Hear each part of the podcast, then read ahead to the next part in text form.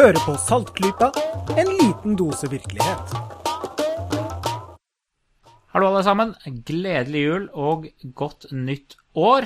Saltklypa er tilbake etter en veldig, veldig kort juleferie. Vi er nå oppe i episode nummer 110 av alle nummer. Dette her trodde vi faktisk aldri skulle gå så langt når vi begynte dette prosjektet her for Jo da. ja, Nå vet jeg ikke hvor mange år siden det er engang. Fem. Fem år siden. Det er lovlig bra. Uansett, eh, jeg heter Bendik, og med meg i panelet i dag så har jeg med meg Jørgen. Hallo, hallo. Litt hes i dag, men jeg er her. Jeg har med meg Lisha. Hallo, hallo. Jeg har ikke med meg Kristin, hun er syk, men i stedet så har Marit sagt at hun er villig til å ta plassen hennes. Ja, egentlig hadde jeg bare tenkt å delta uansett, men så var Kristin syk òg. Men uh, greit, greit, jeg kan godt bare være vikar.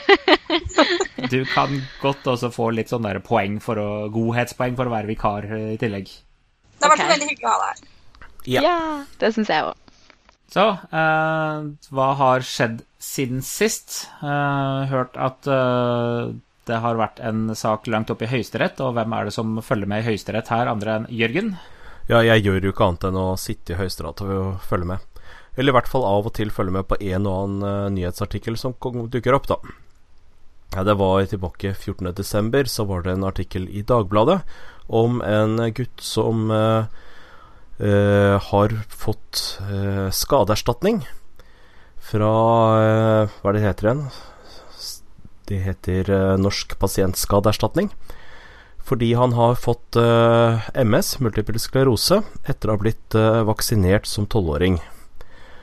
Og dette har jo skapt litt sånn oppstyr, da, fordi eh, antivakserne de er jo på dette her og sier Se her, selv staten godtar at man blir skadet av vaksiner. Og så er det jo ikke så enkelt, da. For dem som har fulgt med litt i timen, så vet de at eh, denne pasientskadeerstatningen, der fungerer bevisbyrden litt annerledes enn i vanlige erstatningssaker. Her er det altså sånn at uh, uh, Ja, åssen blir det? Uh, du har det kanskje bedre klart for deg, Marit, enn det jeg har? Ja, det stemmer. Det er eh, Man skulle gjerne tro at eh, folk som blir tilkjent en erstatning for noe, så der er det alltid et eh, årsaksforhold som er godt befestet eller bevist. Men sånn er det faktisk ikke når det kommer til pasientskadeerstatning. Faktisk så står det i selve loven om erstatning ved pasientskader at hvis det er uoppklarte årsaksforhold, så skal det normalt antas at skaden skyldes feil eller svikt ved ytelsen av helsehjelp. Så byrden ligger liksom alltid hellende mot, eh, mot eh, å gi erstatning. Da. Og I tillegg så har det også vært spesifikke uttalelser. Det er eh, f.eks. noe på siden til Norsk, norsk pasientskadeerstatning. Um, for en artikkel om, under erstatningssaker om Pandemrix og ME, så står det f.eks at vaksinen ble anbefalt av helsemyndighetene. Derfor vurderer vi erstatningskravene etter en spesiell bevisregel hvor terskelen for å få medhold er lavere enn i andre erstatningssaker. Så altså når det gjelder vaksiner, og da spesielt vaksiner som har vært anbefalt av helsemyndighetene, så er de eh, mer lenient, er det engelske ordet? Hva er det norske ordet? Eh, Tilbøyelige? ja, tilbøyelige til å gi erstatning selv om det ikke er et klart årsaksforhold som er etablert. Og sånn er det jo ikke i resten av verden, egentlig. Da tenker man jo at eh, hvis du har blitt tilkjent en erstatning i en rettssak, f.eks., så i en ordinær rettssak, så er det bankers. Da er det avgjort at dette var det som skjedde, og derfor skal du ha erstatning. Men akkurat i når man er pasient, så har man liksom litt ekstra vern. Det skal heller eh, feile på, på din side. Eh, altså la feilen komme deg til gode, eh, enn å la den skjevheten komme staten til gode. Og Det er noe som mange ikke reflekterer over. Og jeg ser jo også at, eh, som det ble henvist til her, at eh, vaksinemotstandere bruker det som argument. De henviser til saker hvor eh, noen har fått pasientskadeerstatning, og sier at se, dette viser jo at staten er ansvarlig for denne skaden. Men det er altså ikke egentlig stadfestet bare ved å henvise til det. Nei, det som skjer er at staten tar på seg ansvaret. Men det kan de jo gjøre uten at de egentlig beviselig har det. Eh, Men man tenker jo sånn at hvis noen da er i den situasjonen som han er, at eh, han har MS, han er syk, så er det i vanlig rettssak så vil det jo være snakk om at ting må bevises hinsides rimelig tvil. Men det, den bevisbyrden kan du på en måte ikke legge på en syk person når det ikke finnes helt entydig bevis, da i verken eller.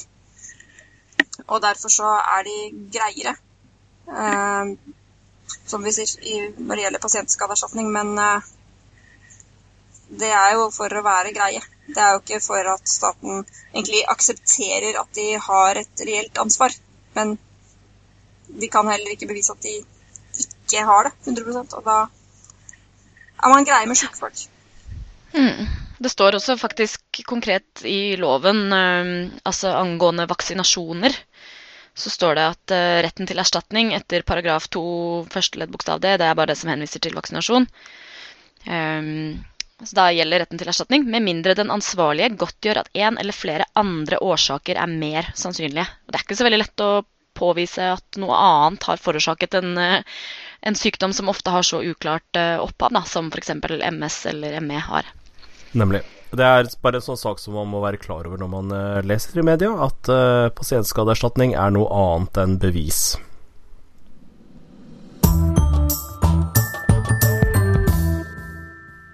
Apropos uh, bevis. jeg så en sak for noen uker siden også, fra Sverige, hvor det kom inn noen brev fra en hel skokk med nobelprisvinnere. De har vel prøvd å bevise noe?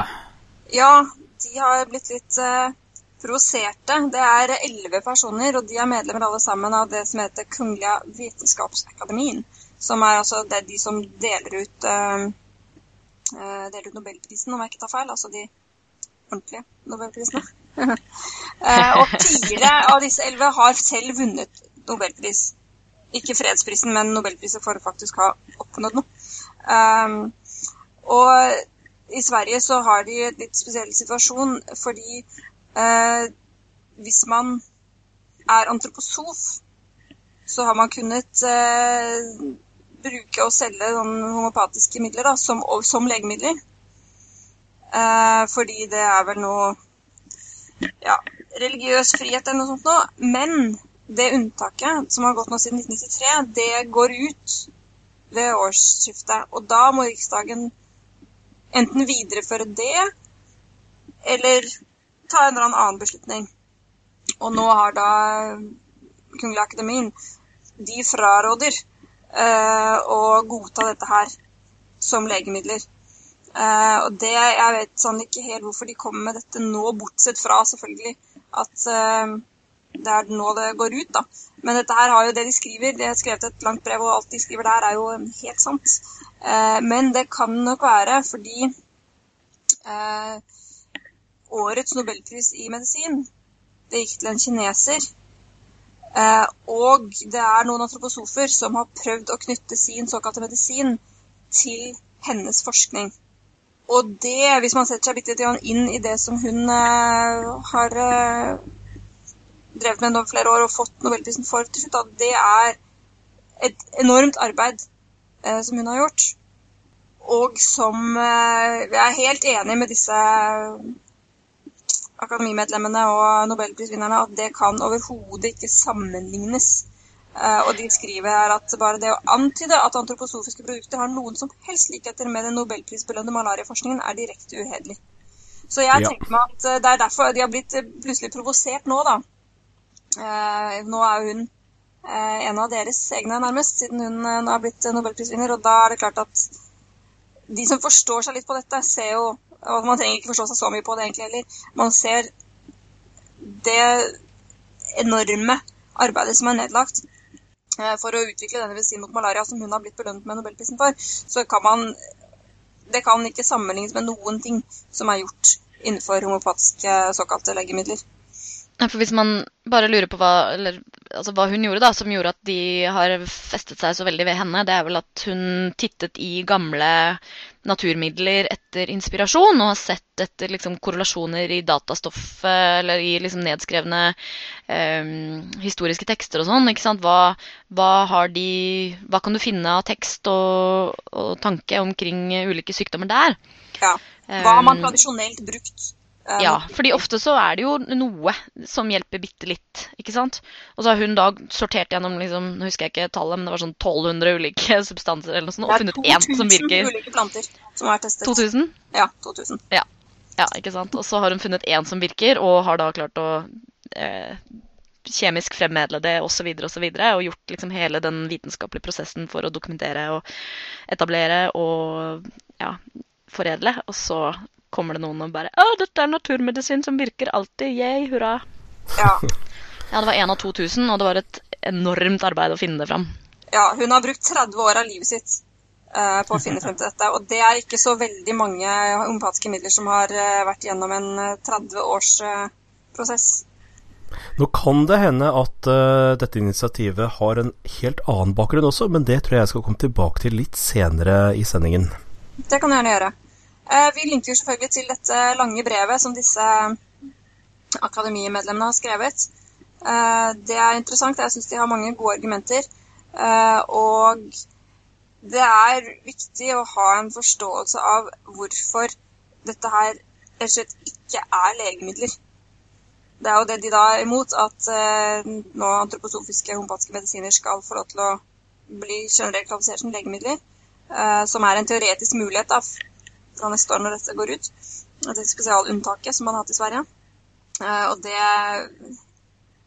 det er ikke noe grunnlag man kan bruke for å kalle dette legemidler. Og det forklarer de selvfølgelig på en eh, veldig god måte her.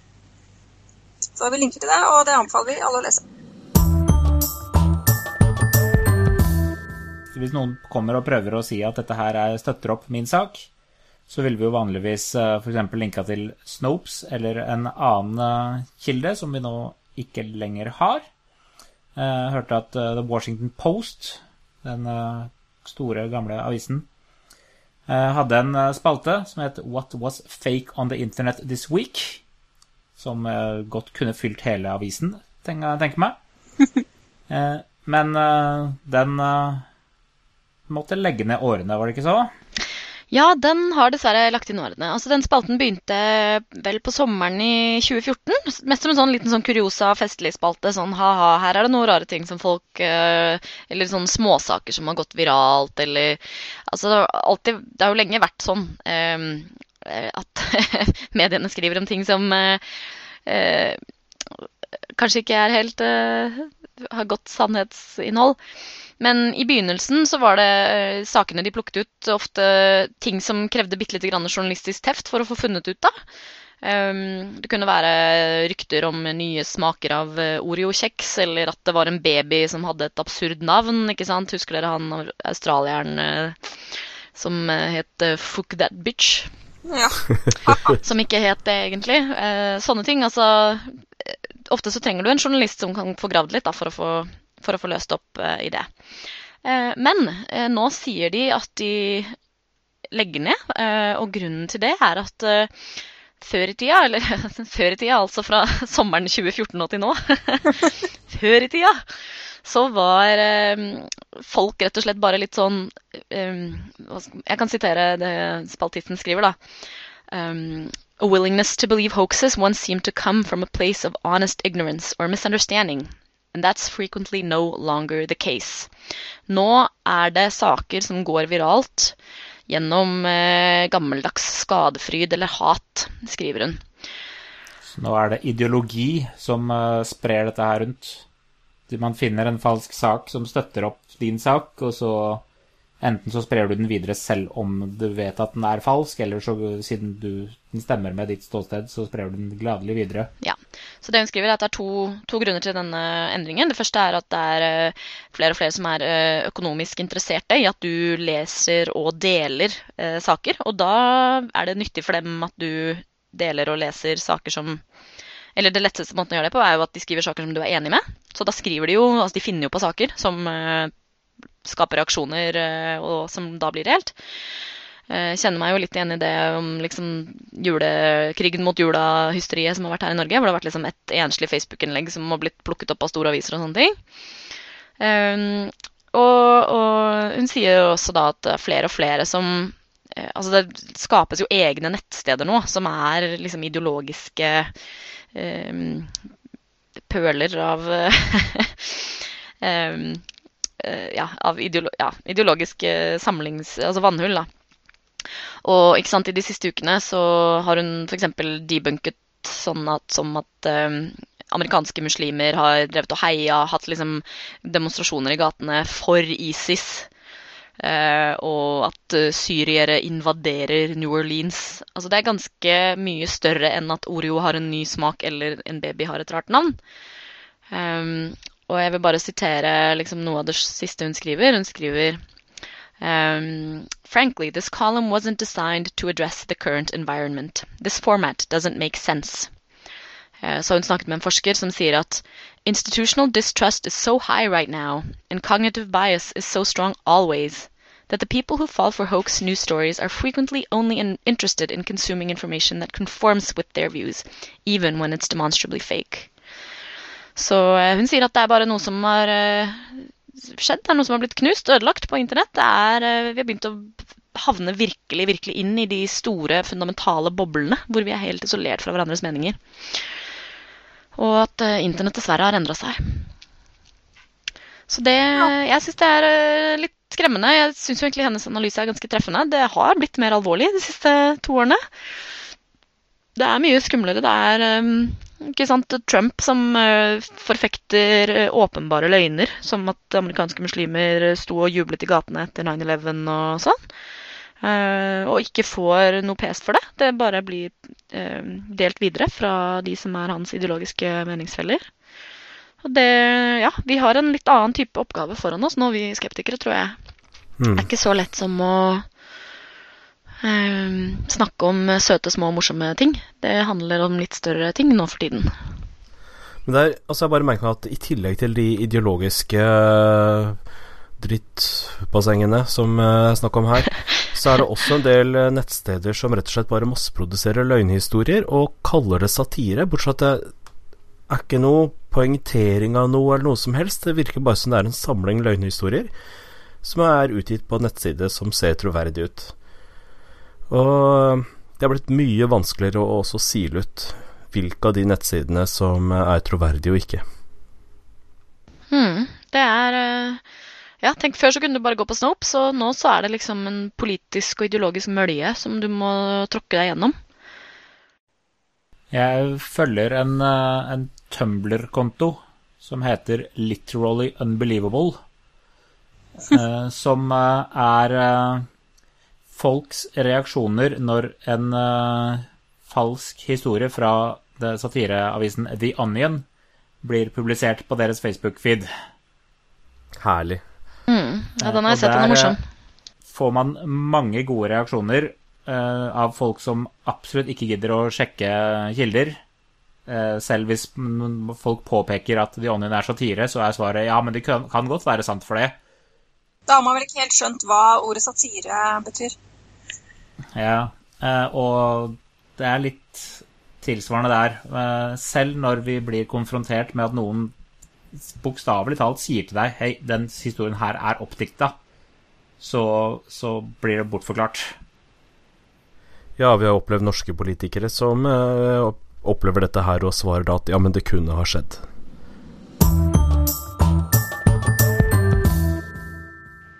Neste sak på agendaen er eh, at eh, astrologi har rett.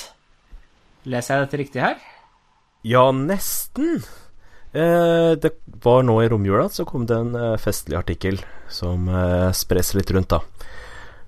Og den norske artikkelen jeg har funnet her, der står det Forskere har funnet overraskende kobling mellom sykdom og måneden du er født i. Og så med ingressen Nei, dette er ikke astrologisk tull, sier forskerne ved Columbia University. Hvis det ikke er astrologisk tull, er det da astrologisk fakta?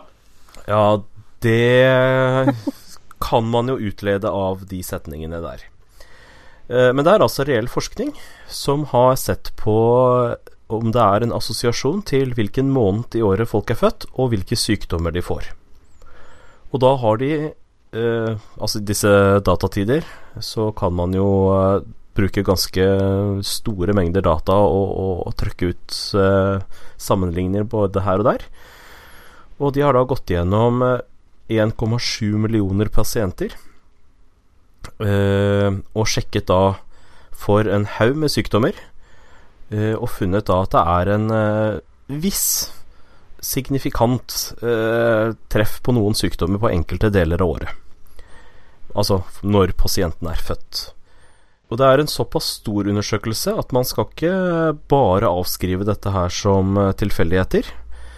Eh, men samtidig så er de veldig nøye med å påpeke at det er, selv om det er signifikant, altså det er tall du kan si at er store nok til å kan si at dette er en reell effekt, så er ikke tallene store. Effekten er ikke stor. Eh, Sånn som i bacon-saken. Det er vel også liten effekt, men signifikant. Ja, ikke sant. Tilsvarende bacon-saken. Um, så det er altså viktigere hvor, hva du spiser og hvor mye du trimmer, enn hvilken måned du ble født, men de har ment å finne en uh, viss sammenheng. Og de har basert seg delvis på sykdommer som andre undersøkelser, mindre undersøkelser, har ment å kunne se en sånn korrelasjon mellom fødselsmåned og sykdom, og bekreftet en rekke av de dataene. Så det ser faktisk ut til å kunne ha noe for seg. Men uh, jeg tenker jo at det er ikke helt uh, merkelig at uh, folk som er født i ulike måter, måneder, har litt ulike liv. For tidligere leste om i nå husker jeg ikke om det var Freakonomics eller Quirkology, jeg blander alltid de to bøkene, for jeg leser de omtrent samtidig, men hvor de snakker om hvordan unger som er født i januar og august, har veldig ulik representasjon på f.eks. proff fotballag. Og det har jo ikke noe sånn veldig mye å gjøre med de fysiske forutsetningene til uh, ungene når de er født i ulike måneder, men det kan ha å gjøre med f.eks. at skoleåret er inndelt på den ene måten, og fotballaget er delt inn etter skoleåret. Sånn at når du er født i august, så er du størst i klassen, eller størst på fotballaget, selv om du er medium i klassen. Um, sånne ting uh, som gjør at i januar, så er du størst i klassen. Ja, OK, så det er kanskje januar uh, som er best for, på fotballbanen. Da. Um, ja, så da, ja. da er det da, sant, da, er du størst på banen. Det er jo ganske stor forskjell når du er 9-10 år, hvor stor man er i løpet av et år. Så da blir du fostret frem av treneren som syns at du er så flink, og sånn, og så havner du på profflaget, mens han som ble født i desember, ikke fikk være med året etter, for han ble demotivert. Stakkar. Sånne ting kan jo ha noe å si for, sant, for trening i videre livet, for kosthold, eh, sånne ting. Ja, og så er det selvfølgelig en mulighet for at det har med epigenetikk å gjøre, altså den uh, kjemiske sammensetningen med hormoner og sånn i uh, moren under svangerskapet, som kan variere gjennom året. Så det kan være noen sånne rent fysiologiske ting også. Men de, altså, det må bare påpeke her at disse forskerne har ikke sett på hva årsaken er, de har bare sett på statistisk sammenheng foreløpig. Ja, De sier bare at eh, det ser til at det er sånn som dette, eh, men de har ikke sagt noe om eh, hva det kan skyldes. De har bare Nei. teoretisert litt rundt det, men de har ikke sagt noe bestemt. Og så kan vi bare gjette på om astrologer tar dette her til inntekt for uh, sitt eget tull. Hmm. Jeg tror kanskje muligens de kan finne på å gjøre det. Det kan bli en spådom for 2015, 2016. ja.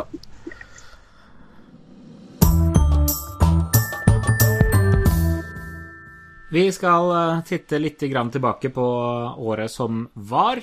Det året som vi kaller for 2015. Jeg holdt på å si 2015, men da ville Finn Erik Vinje korrigert meg ganske kraftig.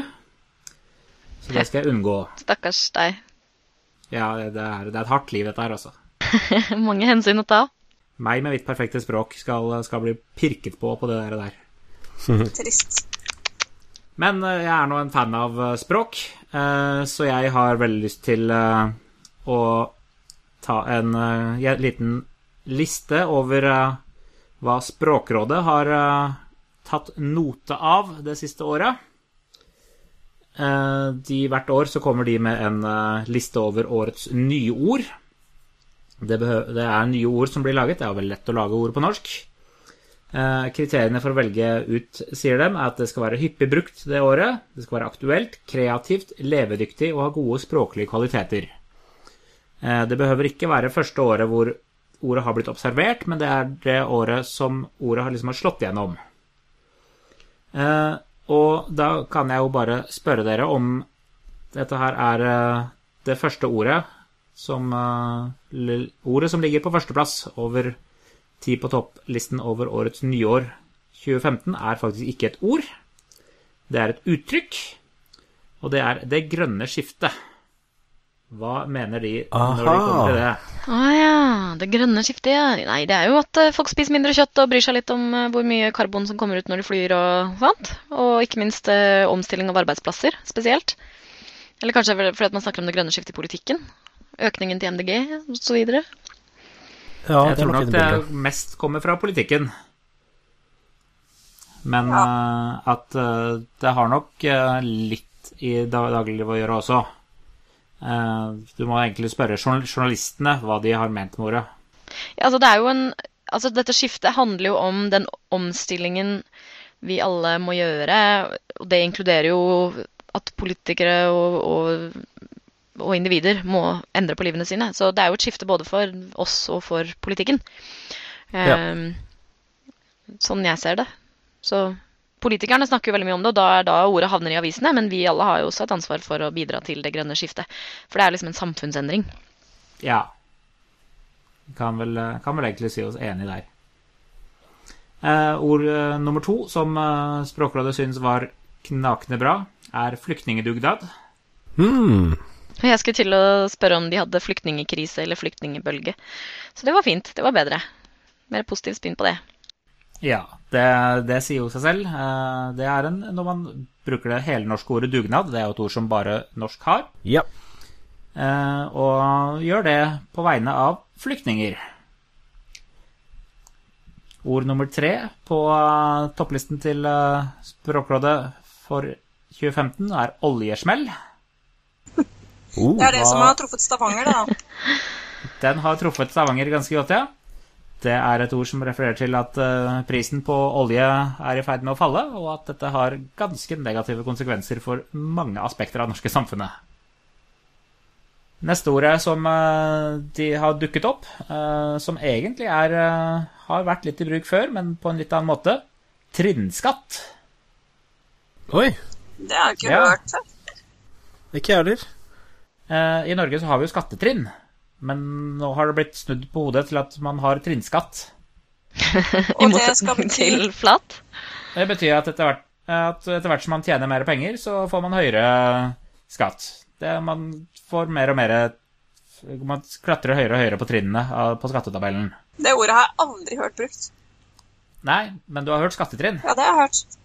Ja. Dette er bare samme konseptet, bare motsatt vinkling. Men hvis folk ikke bruker det, kan det da virkelig kalles uh, Det skal, skal ha vært i bruk for at eh, Språkrådet skal legge merke til det. Da følger jeg tydeligvis ikke godt nok med i de eh, publikasjonene som Språkrådet leser. Du gjør visst ikke det? Nei. Også kjent som norske aviser. Ord nummer fem på listen deres utslippsjuks. Hva er det? Det er ikke et eh, ord fra Nytt på Nytt. Det er fra Volkswagens eh, og deres kollegers eh, grumme handlinger gjennom litt lengre tid. Hvor de har Ja. trikset med ja, er det dataprogrammene i bilene sine for å få det til å se ut som om utslippene er langt lavere enn det de faktisk er. Ja, Det er kanskje, riktig. kanskje ikke så mye lavere heller, egentlig. Det var vel Jo, ikke så mye lavere. Var det det? Mye lavere. De har juksa grundig når de først satte i gang. Ja, ja, skal det. Er det verdt å gjøre, så er det verdt å gjøre bra. Så er det et uh, ord uh, som også Som kanskje ikke har eh, dukket opp, men som kommer til å bli litt mer. Uh, hva er en straksbetaling? Er det sånn vips? Må være vips og sånn. Også kjent som det, det er det som DNB gjerne vil at vi skal kalle å vippse, ja. Ja. Mm. Eh, mange kaller det også vennebetaling. Språkrådet ser for seg at straksbetaling eller vennebetaling kan bli et uh, populært ord fremover. Det er det man refererer til ja, med direktebetaling på rask metode via f.eks. Vips eller uh, Danske Bank sin Mobile Pay. Du, det er ikke så raskt, altså. Hver gang jeg har snakka med noen om det der, og så har de sagt 'ja, men jeg vippser deg nå', så tar det alltid noen dager før de pengene faktisk er der. Er det Jeg vet ikke om det er eh, applikasjonen sin feil, eller eh, hvor den feil ligger.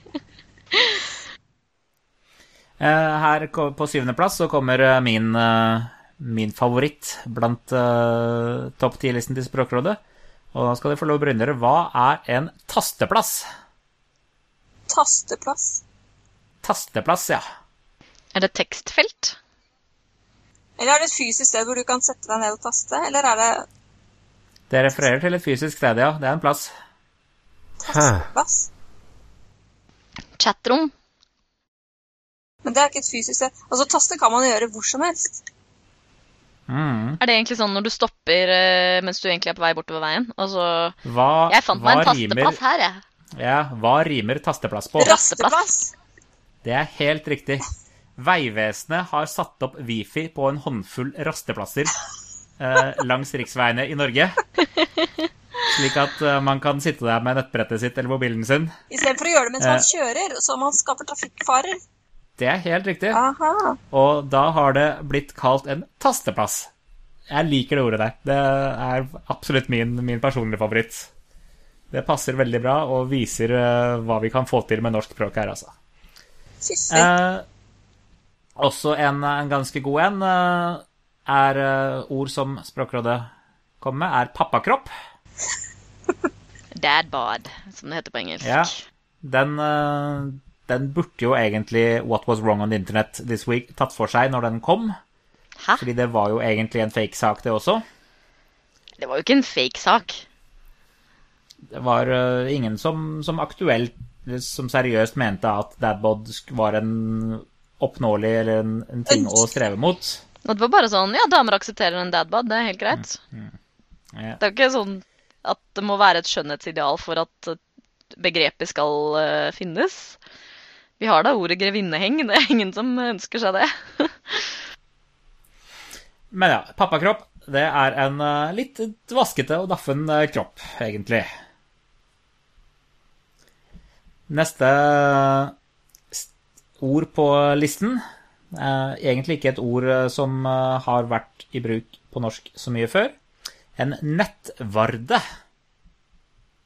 Er det noen av dere som vet hva en nettvarde er? For meg er det Snopes. Hva er en varde? Det er en eh, steinkonstruksjon hvor man kan tenne ild som ses langveis fra for å varsle om et eller annet. Ja, eventuelt en eh, stimarkør. Ja. Det er litt kulere hvis det er ild, da. Ja. Nettvarde eh, blir foreslått som eh, det norske ordet for en beacon, eh, som er et elektronisk uttrykk. Å ja, det vet jeg eh, hva er. hvor, hvor Ja, da kan du forklare. Ja, det er en eh, liten sånn eh, sender som gjør at Eller som kan pinge telefonen din og si 'Nå er du her', altså utenfor butikken min, hvor jeg har festet denne nettverden. Og så får du en ping på telefonen som, kan, som f.eks. sier 20% rabatt på sjokoladekake inne hos meg i dag. Sånn at det er på en måte geografisk linka eh, hva slags varsler du får. Ja, Og du kan f.eks. gå på en eh, skattejakt eh, som da har gjemt slike nettvarder rundt omkring, da. Ja, det er den mest vanlige og mest forespeilede, forutsette bruken av eh, beacons, eller nå det norske ordet, nettvarder. Fint ord. Fint ord, egentlig. ja. Det var bra. Eh, Og tiendeplass over ord som har dukket opp fra Språkrådet i år, er asylbaron. Som jo også er et ganske fint ord. Jeg må, jeg må gi dem det, de som har funnet på det ordet der. Det kommer jo fra annen verdenskrig, egentlig, hvor man kalte folk eh, brakkebaroner når de jobbet for tyskerne. og ja, For eksempel sette opp brakker hvor eh, invadørene skulle bo. Eh, For det ble jo ikke ansett som eh, helt pent å berike seg på samarbeidet med okkupasjonsmakten. Og her er det jo Asylbaroner er typisk en person som tjener gode penger ved å utnytte da folk i en krisesituasjon. Nettopp fordi Mm. det er jo fordi staten åpner den muligheten da, ved at det er bestemt at ikke myndighetene skal drifte asylmottak selv. Eh, og da går det jo an å trikse til et overskudd, åpenbart. For noen av disse, disse som driver Hero AS, de ser til å velte seg i penger. Så eh, ja, det er jo skattepenger som går til det overskuddet. Kan ikke være annet. Ja. Så jeg ville ikke eh, blitt glad for å bli kalt en asylbaron. Det er ikke et hyggelig ord. Nei.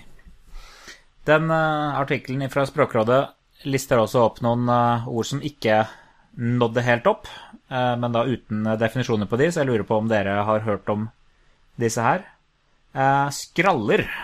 Har noen av dere hørt om hva en skraller er? Altså skraller, er- det er entallsformen?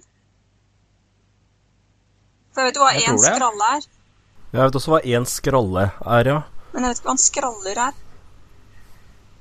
Så der Det er verbifiseringen av en, en skralle. Eh, en skraller er visstnok en eh, Jeg hadde et veldig fint engelskord på det også. Eh, dumpster diver. Å ja. Oh, ja! Ja. Friganer. Det er det, norske, det er det norske ordet for en som eh, gjerne finner maten de trenger i søppelkassa. Ja, de er, kjenner jeg jo til. Mm. Jeg kjenner noe sånne. Det er en kul ting. Nå vet du hva du skal kalle det. For å være Jeg kaller dem fri friganere. Altså man har eh, er vegetarianer, også ja. veganer og friganer. Ja. Det er for så vidt også et uh, slett ikke dumt ord. Eh, annet ord som eh, ikke helt nådde opp på listen, men som eh, godt kunne gjort det, er storbarnsforeldre. Ja. Det er folk som har tenåringer og sånt nå, som ikke ligge våken fordi ungene skriker, men ligge våken fordi ungene ikke skriker, holdt jeg på å si, fordi ungene er ute og driver med gud og faen. Så ligger er de hjemme og har stille i angst. huset. Ja, ikke sant? Sønnen er ute og kjører, eller dattera er ute på fest eller et eller annet, og det må de få lov til, for de er så store, men foreldrene ligger hjemme i senga og vondes fordi klokken er tre og poden har ennå ikke kommet hjem. Er det ikke disse som er storbarnsforeldre? Jo, det er det som er storbarnsforeldre. Det er eh, foreldre til eh, ungdom. Så kan du bare glede deg. Jørgen. Ja, jo Foreløpig så er det jo bare morsommere og morsommere å være forelder, egentlig. Men eh, Ja. jeg innser at det kommer til et punkt hvor det ikke er det. Det vil nok komme oppstå et vippepunkt. Eh, men så er det en tung tid når hun er tenåring og sånt da, så blir det sikkert hyggelig igjen. Vi får håpe det. Ja, Det blir det som regel. Neste ord som eh, var på listen Jeg liker bare å gå gjennom disse her, siden det er, det er mange fine ord her Ja, få høre. eh, som, som dukker opp. Iskanten. Hvor er det? Ja, det er ikke noe bestemt sted lenger, nei. Nei. Uff a meg. Kanskje neste uke er det enda et annet sted igjen. Tragisk. Tragisk ord. Ja. Det er det vondt å snakke om, syns jeg. Ja. Bare så hvis noen lyttere ikke har fått det med seg, så gjelder da dette her eh, hvor man eh, Altså at Norge tidligere har forpliktet seg til ikke å hente ut olje over en iskant. Men pga. klimaoppvarmingen så eh, flytter jo denne iskanten seg, for det smelter mer og mer is. Så det gjør jo at eh, hvis man ikke bruker den gamle linjen for der hvor iskanten gikk, så kan man jo hente ut mer olje, sånn at man kan flytte iskanten enda lenger nord. Yes! Ja, dette her er en sånn eh, underlig situasjon hvor eh, problemet er sin egen løsning, og løsningen skapes av problem. Ja, det er som i en uh, Escher-tegning. Jeg vet sannelig ikke hvor det slutter og hvor det begynner. Sprøtt. Nest uh, siste ordet i uh, artikkelen som ikke nådde opp på listen over årets nyord, ytringsvett. Uh, Det blir vel nesten samme som ytrings... Ja, ikke helt som ansvar, men ja, mm, skjønner. Ok. Ja, det er, man, man har ytringsrett, det har man jo i Norge. Men det er ikke alltid man burde ha, eller man burde vite hva som er ytringsvett. Det er ting som man har lov å si, men som man ikke nødvendigvis burde si. nemlig. Problemet er at da kan man aldri bli enig om hva som er ytringsvett. Det er eh, umulig å definere. Et fint ord er det for det. Og siste ordet er sikkert noe vi alle har gjort masse av. TV-fråtsing.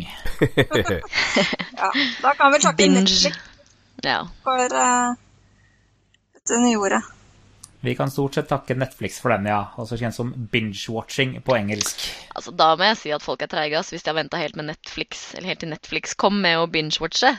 Oss eh, ringrever har nå drevet med det siden DVD-er begynte å komme på TV-serier. Altså, Noen har gjort det siden VHS-tiden også. det var ikke så mye TV-serier på VHS, var det det? Eh, vi var en gjeng som eh, hadde en sånn liten ukentlig filmklubb hvor vi eh, spilte av VHS-er tilsendt fra USA med nyeste episoder. Oh, Nice. Oh yes. Det var eh, min årskavalkade, i hvert fall. Med nyordene. Det er mange gode ord som er som jeg skal prøve å bruke videre. Noen eh, flere som hadde noe gøy som skjedde i 2015? Det skjedde noe gøy, ja. gøy og gøy. Jeg, jeg har en tanke her. Var det ikke sånn Jeg fulgte litt dårlig med. Det var rundt eh, min bursdagstid. Jeg er opptatt med andre ting. Men jeg husker det sånn at jorda skulle gå under den 7. oktober. Eh, men jeg fikk ikke helt med meg det. Gikk den under, eller hvordan gikk det? Var ikke det, Det ganske bra. var ikke det økonomisk kollaps det skulle være? Ja, det var noen religiøse folk, eller hva det var, som eh, Å, Jeg tror jorda har gått under opptil flere ganger i år. Ja, jeg syns det skulle skje stup i ett. Jeg catcha ikke det helt, men eh, Nei, vi er visst her fortsatt. Mm. Det er en ganske trygg eh, sak hvert eneste år, da. Det vil alltid være noen som eh, kommer og sier at eh, jorda kommer til å gå under. Ja, det er egentlig Ja. bare å velge hvilken dato du mest føler for, så er det nesten garantert at noen mener at da går det under. Men jeg har en hyggelig nyhet, da.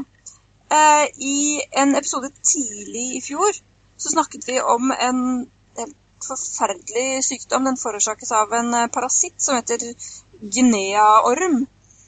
Eh, den er, var, sa vi ja, i februar når det var, at den var i ferd med å bli utryddet. Og 100, i 2014 hadde det bare vært 126 tilfeller. Eh, og den utryddes ikke ved medisinsk eller vaksiner, men med rett og slett eh, informasjon og noen enkle tekniske hjelpemidler.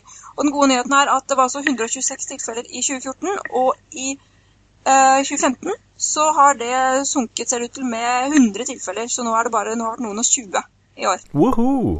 Kjempebra. Det. Så det går eh, helt klart eh, riktig vei. Men eh, samtidig som vi meldte om denne her Guinea-ormen, og at det var i ferd med å gå veldig bra, så kom også den store meldingen om det store meslingutbruddet i Disneyland. Ja. Og det har jo fulgt oss gjennom hele året. Jeg vet ikke om vi har hatt en eneste episode etterpå hvor vi ikke har snakket om vaksiner og sånt nå, på bakgrunn av det der. Ja, inklusive denne nå. Ja, nemlig. Ja. Så det syns jeg har preget veldig mye i året, er denne her diskusjonen om eh, meslinger og vaksiner. ja.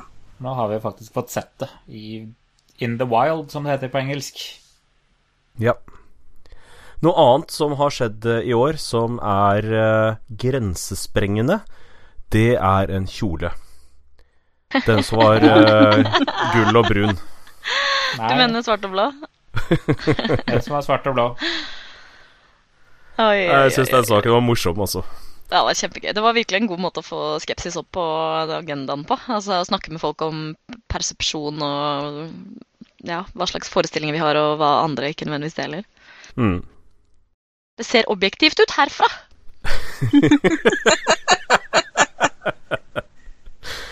Ellers så nevnte jeg tidligere her i stad når vi snakka om eh, homopati i Sverige, og disse eh, nobelvinnerne som eh, prøver å få hindret at eh, homopati, homopatiske midler nok en gang skal få et unntak fra legemiddelloven i Sverige, så har det skjedd ganske mye med homopati eh, på verdensbasis i år.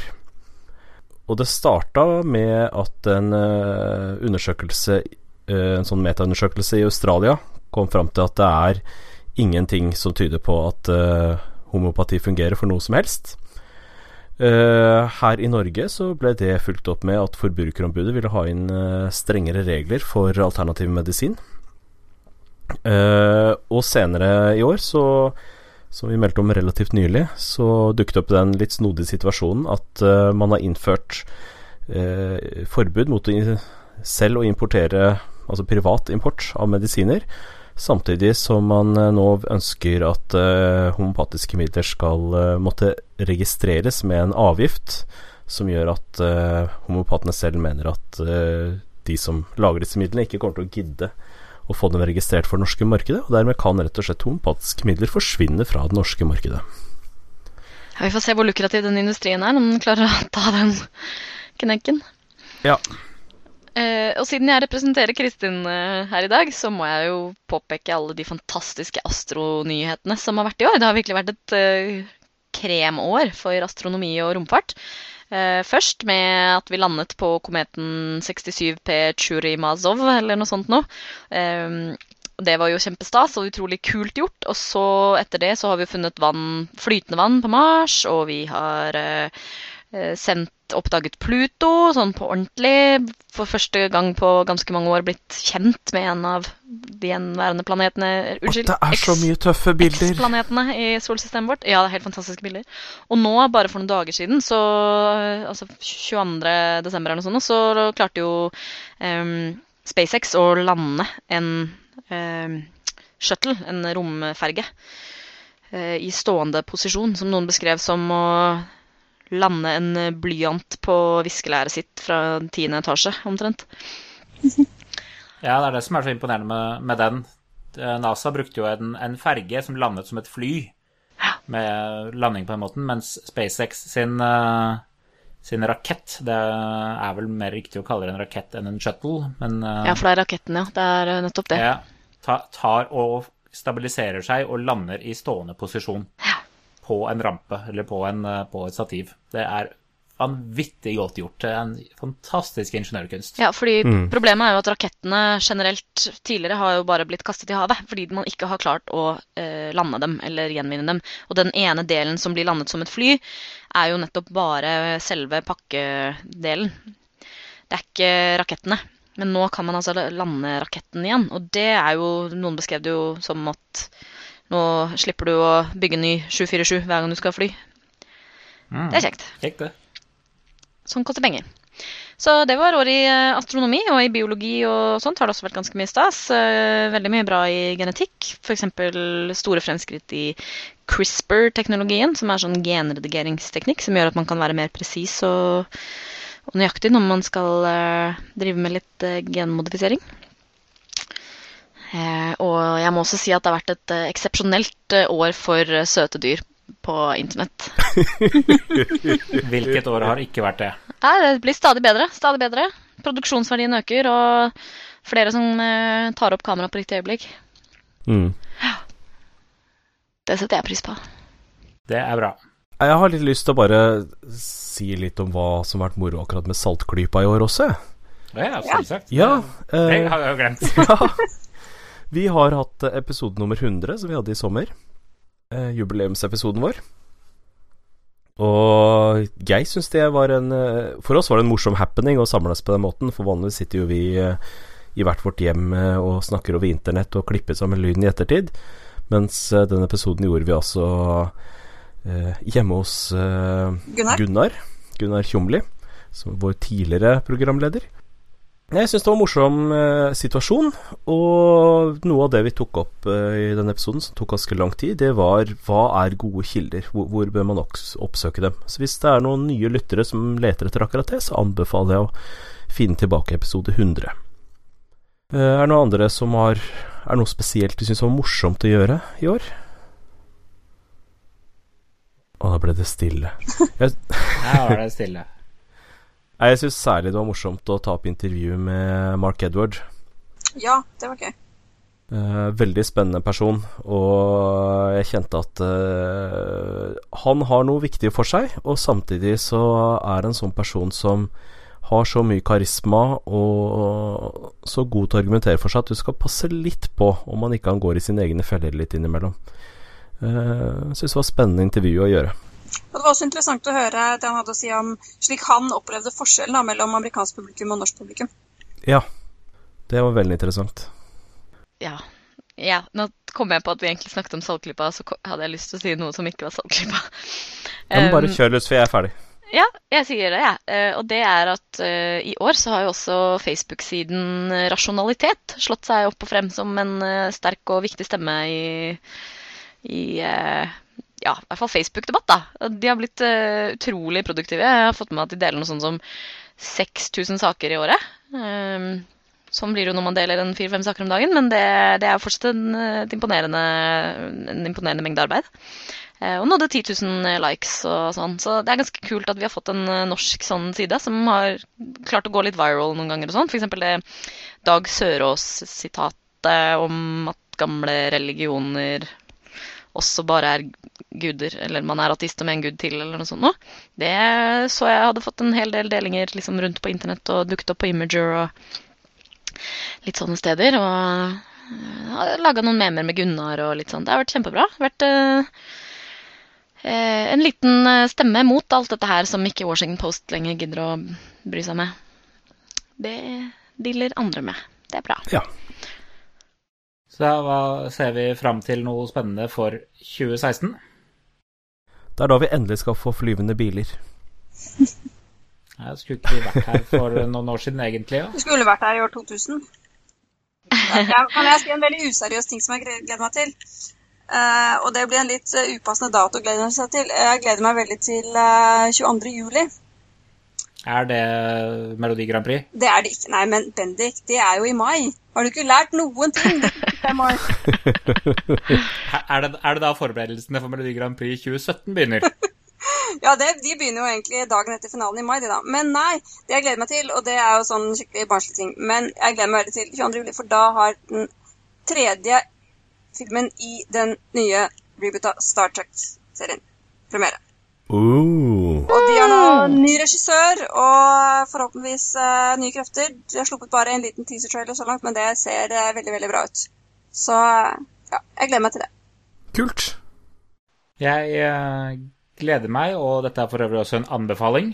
Eh, vår tidligere panelist eh, og kjent TV-personlighet Andreas Wahl, kjent fra Folkeopplysningen og Lyngbø og Herlands Big Bang og slike andre show. Han har laget et uh, eget show som han tar på turné rundt omkring i det vidstrakte land. Langstrakte. elekt- Langstrakte, jeg. Ja, hun har Skal du komme her og pirke på meg, du også? Det er en søsters plikt. Uh, showet heter Elektrisk. Uh, han tar det rundt i det langstrakte land, i mange forskjellige byer rundt, på, rundt i februar og mars i hvert fall. Flere spillesteder kommer sikkert uh, underveis og etter hvert. Eh, dere finner mer informasjon på elektriskshow.no. Og eh, vi har ikke sett showet selv ennå, vi venter til det kommer til Oslo. Vi, men eh, vi aner at dette blir en forrykende sak med masse fart og spenning og kul fysikk. Og jeg har nå sett han på, på noen trailer på TV også, så det skjer noe der også. Ja, han kommer på et show som heter Med livet som innsats. I, nå på, på vinteren, er det vel. Ja, vi premierer i januar, tror jeg, så det er ikke lenge Ja, til. hvor han eh, gjør masse stunts og eksperimenter eh, med seg selv. Det er friskt, altså. Ja, det er det han gjør. Han skal eh, Hva er det de sier? Put your life where your mouth is. Put your money where your mouth is. Han skal bare gjøre det med livet. Han skal bruke Dere har sikkert sett den giffen av eh, Neil deGrasse Tyson som slipper en pendel fra nesetippen sin, og så svinger den langt, og så kommer den tilbake, og så treffer den nesetippen akkurat sånn. Boop. Sånne ting. Man bruker fysikk, eh, og man stoler på reglene i fysikk. Mm. Ja. et par andre ting som kommer i 2016. Nå ser det jo dessverre ut til at det ikke blir noe TAM lenger, siden James Randy sin organisasjon er i ferd med å pakke seg sammen. Så da blir det ikke noe Amazing Meeting i Las Vegas på sommeren, sånn som det har vært de siste ti årene omtrent, pluss et par stykker i Florida. Men eh, det er jo fortsatt skeptikerkonferanser. Eh, nå var det noen i høst, eh, men det er en som skal være i siste helgen i april i Tallinn, som heter noe sånt som Rationalist International Conference, hvor det vel kommer en del store figurer. Og så Det er arrangert av han Sanale Sanal Edamaruku, han har vi jo hatt på programmet før. Og så er det QED, Question Explore Discover-konferansen, som tidligere har vært på våren. Den er nå flytta til høsten og skal være noe sånt som 12.-14. oktober, hvis jeg husker rett. Men det er i hvert fall ting som det er verdt å vite om tidlig, når man har travle liv og sånt. Men det er veldig veldig gøy å dra på skeptikerkonferanse, altså. Det er det. Ja, Vært på flere selv, og høyst anbefalt. definitivt. Da tror jeg det er det vi har for i dag. Har vi ikke en anbefaling? Har Jo, vi klart det kommer mange? Jo, sleng på. Jeg har en anbefaling. Uh, det er en podkast, da. Nei! Jo. Yes. Nei, det er NRK-podkast. Uh, på Ekko, som jeg hører på mye, så har de hatt en føljetong om Einstein, som er veldig bra. Og den er utgitt som en eh, egen podkast, så man slipper å abonnere på Ekko for å få med seg alt. For det er jo mange episoder per dag, så det er veldig mye hvis ikke man er interessert i resten. Eh, men serien heter eh, Einstein på spor av den tøyde tid. Og jeg anbefaler å følge med på den. Den er veldig bra.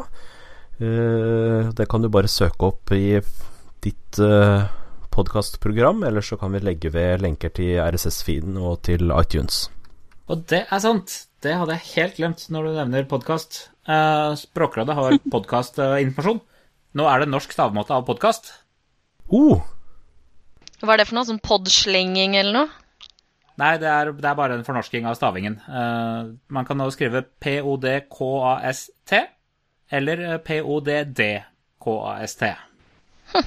Ja ja, det er greit. Kjekt å vite. Det er nå i den eh, norske ordboka.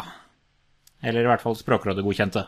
Men sånn i tråd med Jørgens anbefaling om eh, å innta god informasjon, eh, så har jeg en anbefaling skråstrek spørsmål. Eh, fordi jeg er et sånt menneske som før i tiden alltid hadde 100 tabs oppe på Chrome-browseren min. Jeg kom over noen interessante lenker på Facebook, og så åpnet jeg de i en ny fane, og så lå de der ganske lenge. Og så kanskje jeg klarte å ta meg sammen sånn innimellom. Nå har jeg blitt et litt bedre menneske, fordi jeg bruker en app som heter Pocket, som gjør at eh, jeg kan eh, bare lagre hele lenka, og så kan jeg accesse den fra en app på mobilen, hvor det kommer opp i sånn fin lesevisning, og den laster ofte ned mens du holder på med andre ting, sånn at du får det til offline-lesing eller sånne ting. Eh, og den syns jeg har gjort mitt liv litt bedre. Nå er det litt lettere å komme tilbake til de artiklene eh, når man står og venter på bussen og man liksom egentlig har tid til å lese den artikkelen. Eh, er det noen andre som har noen sånne type apper der ute? Eller vet du om noen som er enda bedre enn Pocket? Pocket er veldig bra, da. Men da, da kan dere godt eh, si fra. Og så anbefaler jeg Pocket. Bra. Jeg kjenner nok til en del, men jeg har dem ikke i hodet. Du får- vi får ta en roundup ved senere anledning. Men da var det det vi hadde for denne gangen. Så da kan vi se om eh, det ikke er på tide å runde av. Dette har blitt en eh, god og lang episode. Eh, Det gjenstår bare for oss å ønske alle våre lyttere et gledelig 2016. Og så takker vi for oss for i dag. Ha det bra, alle sammen. Ha det bra, og godt nyttår! Ha det bra. Godt nyttår. Ha det bra. Godt nyttår. Saltklypa lages av Kristin Lisha, Jørgen og Bendik. Har du spørsmål, anbefalinger, ris eller ros, send det til post at saltklypa.no, eller finn oss på Facebook. Lenker til alt vi har snakket om i episoden finner du på saltklypa.no, hvor du også kan abonnere på podkasten for å få hver episode levert på døra helt gratis. Takk til Smart 9000 fra Evig poesi som har laget kjenningsmelodien.